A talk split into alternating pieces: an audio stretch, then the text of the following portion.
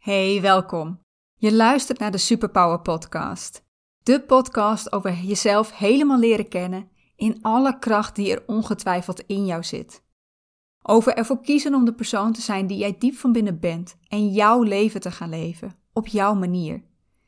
Dit is aflevering 78 en ik ga deze als extra aflevering uitbrengen, omdat dit een onderwerp is waar ik niet te lang mee wil wachten dus ja, deze week zijn er even twee afleveringen in plaats van één. En het onderwerp van vandaag is een zwaarder onderwerp. Een onderwerp wat bij mij weer heel erg is gaan leven met al het nieuws uit Oekraïne. Dus ja, deze podcast gaat over oorlog. En hoe je het ook wil, dat gaat nooit een luchtig onderwerp worden. En toch wil ik het graag hebben over mijn visie hierop. I know, pittig onderwerp, uh, maar ik hoop dat je toch blijft en meeluistert. Welkom bij de Superpower Podcast. De podcast over helemaal jezelf zijn en jouw mooiste leven creëren. Mijn naam is Anneke Procé. Hier deel ik met jou mijn kennis over ontdekken wie jij diep van binnen bent en hoe jij wil dat jouw leven eruit ziet. Over houden van jezelf en zelfvertrouwen. Omdat ik geloof dat jij 100% jezelf mag en hoort te zijn. Het waard bent om zelf te bepalen hoe jij jouw leven wilt leven en dat je alles in je hebt om dat leven waar te maken. Dus, ben jij er klaar voor om helemaal jezelf te zijn en te kiezen voor dat leven dat jij wil leven? Luister dan vooral mee. Hey, welkom lieve luisteraar. Wat fijn dat je er, of zelfs weer bij bent. Ik zei het al, pittig onderwerp voor vandaag. En waarom ik het over dit onderwerp wil hebben, is omdat oorlog volledig ingaat tegen alles waar ik voor sta. En dan gaat het om acceptatie, om de waarde van een ander kunnen zien, over houden van je medemens en in de kern ook het houden van jezelf. Het kan zijn dat wat jij gelooft niet overeenkomt met wat ik je ga vertellen, en dat hoeft ook niet. ik beweer nergens dat ik de waarheid spreek. Maar ik wil via dit medium toch mijn hart laten spreken. En ja, misschien dat mijn uitspraken ergens iets losmaken, waardoor ik ook jou weer aan het denken kan zetten. Ik ga proberen om het zo weinig mogelijk te hebben over deze specifieke situatie, maar ik weet nu al dat me dat niet gaat lukken. Uh, maar overal waar ik het over Oekraïne en Rusland heb en waar ik hen als voorbeeld gebruik, heb ik het over oorlogen in het algemeen. Wat hier speelt, speelt ook in andere conflicten. Ik wil het alleen ook weer niet heel specifiek maken, omdat ik te weinig weet van de achtergrond van dit conflict. Ik weet niet wat in dit geval waar is of wat, of wat aan waarheid grenst. Ik kan me ook alleen maar laten leiden door wat ik hoor in het nieuws en op de socials. En ik weet niet zeker of dat waar is. Het zal sowieso nooit het volledige plaatje zijn. Maar oké, ik kan nu dus alleen vanuit mijn eigen oogpunt praten, vanuit wat ik zie gebeuren. Een beeld wat natuurlijk altijd vertekend is ook omdat ik mijn overtuigingen heb op dit, uh, hierover, die ik hierop plak. En omdat ik net als iedereen niet weet wat er achter de schermen allemaal gebeurt. Maar van, vanuit hoe ik het nu zie, lijkt het alsof dit een heel erg eenzijdig conflict is.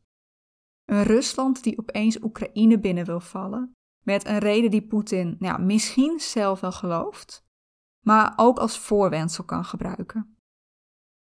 En voor mijn gevoel is dit niet een wederzijds conflict waar ook Zelensky Rusland aan wil vallen.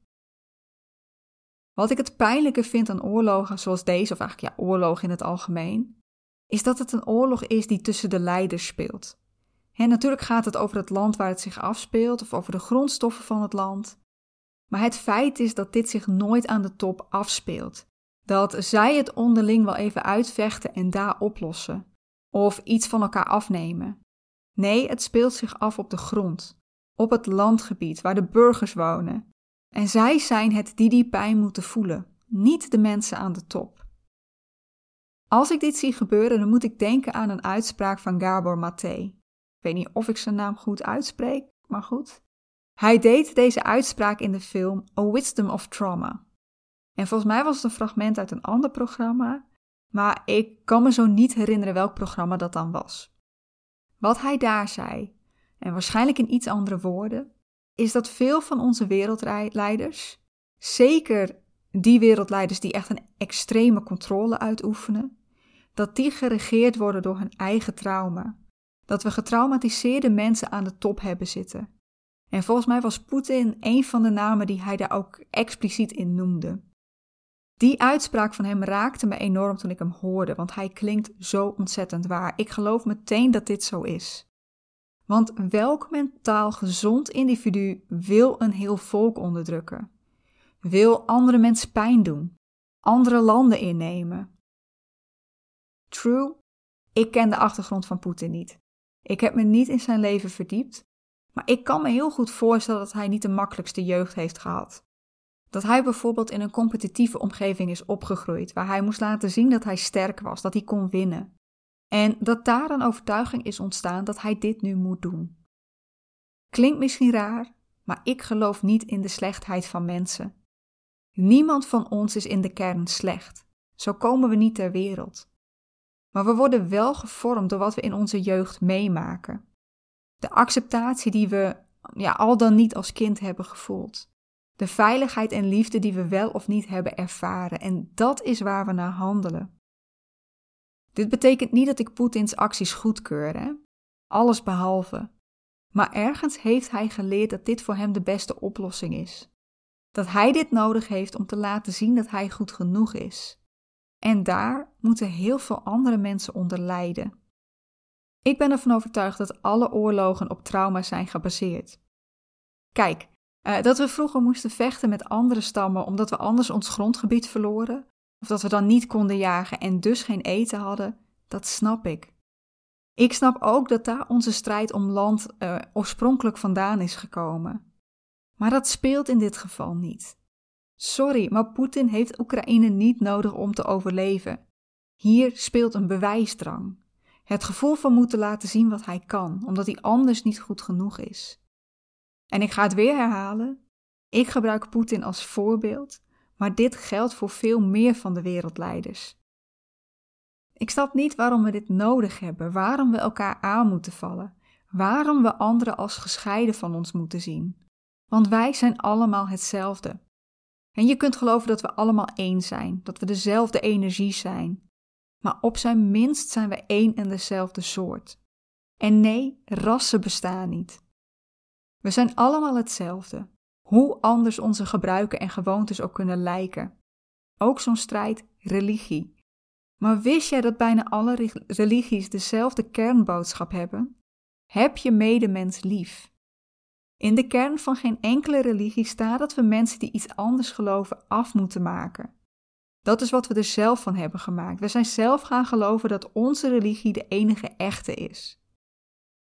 Maar hoe we ook van elkaar lijken te verschillen, we verschillen nauwelijks van elkaar. We pakken het alleen op een andere manier aan, een manier die we via onze opvoeding hebben meegekregen. Maar uiteindelijk willen we allemaal hetzelfde: liefde. Liefde geven en ontvangen. Liefde van en voor onze familie, kinderen, vrienden, maar ook de liefde van en voor onszelf. Ik geloof echt dat zelfliefde hier ontzettend belangrijk in is. Want als we onszelf gaan zien als goed genoeg, dan hoeven we ons niet meer zo te bewijzen. Mijn ervaring is echt dat we ook liever voor anderen worden als we de liefde in en voor onszelf gaan ervaren. Echt, toen ik het nog ontzettend moeilijk had met mezelf, met mezelf accepteren, was ik zo kritisch op de buitenwereld, op hoe anderen waren. En ook op de mensen waarvan ik vond dat ze mij iets hadden aangedaan.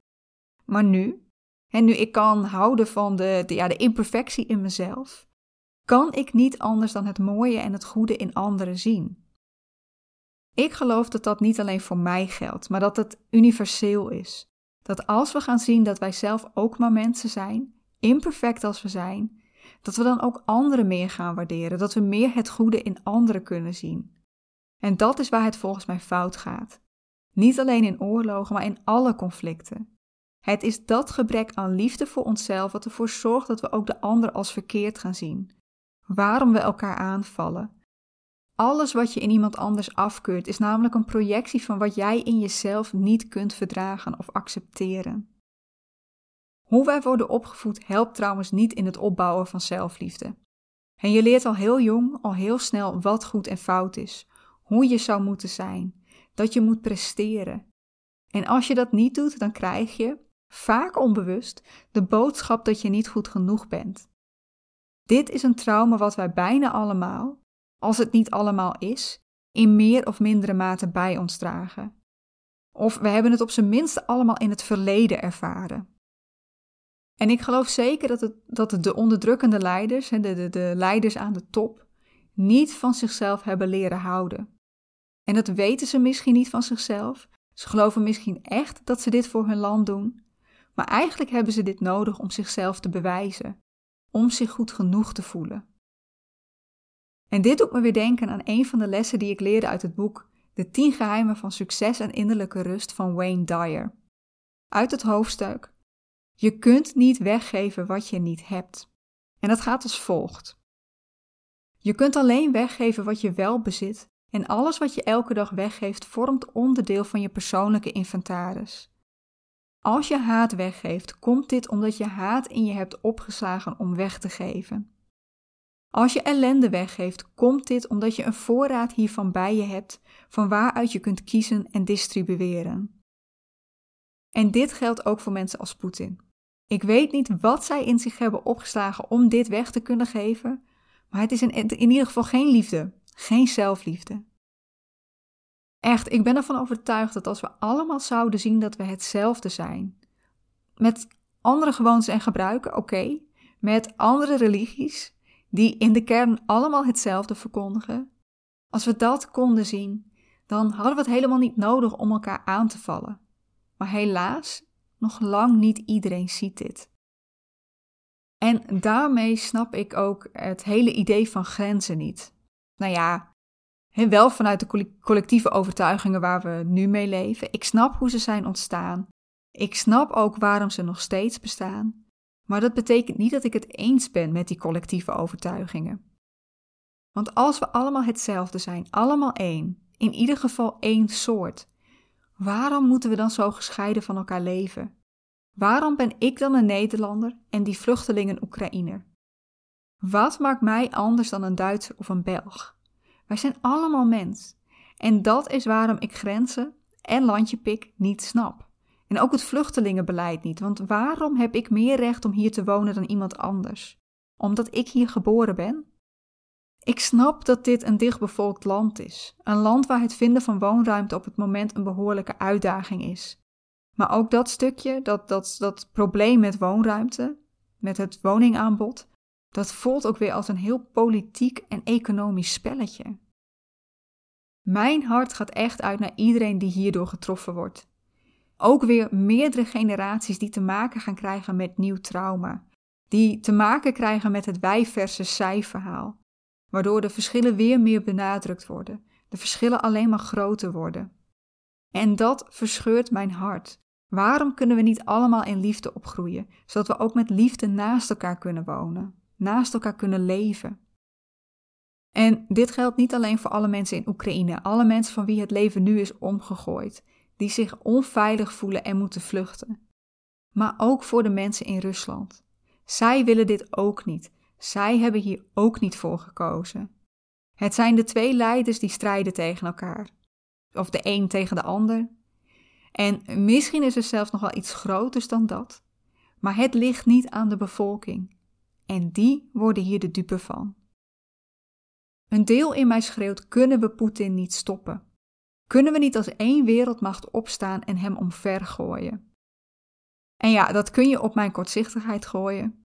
Ik weet dat er ook gezegd wordt dat als er iemand in zou grijpen, dat dit dan uitloopt op een derde wereldoorlog. En ik voel ook wel dat we oorlog niet met oorlog moeten bestrijden. Dat is niet de oplossing. Maar is er echt geen manier om als één wereldmacht hier een einde aan te maken? Het kan toch niet zo zijn dat één land dit zomaar kan doen? En ik snap ook wel dat het nooit één wereldmacht zou worden. Dat, dat lukt ons niet met, met, met z'n allen. Het lukt ons niet om zo dicht bij elkaar te komen. Ik geloof echt dat dat ons pas lukt als er een dreiging van buitenaf zou komen. Uh, aliens of zo. Zelfs hoe het nu gaat met onze natuur, met het milieu, is blijkbaar nog niet dreiging genoeg om ons echt uh, daar samen voor te gaan strijden.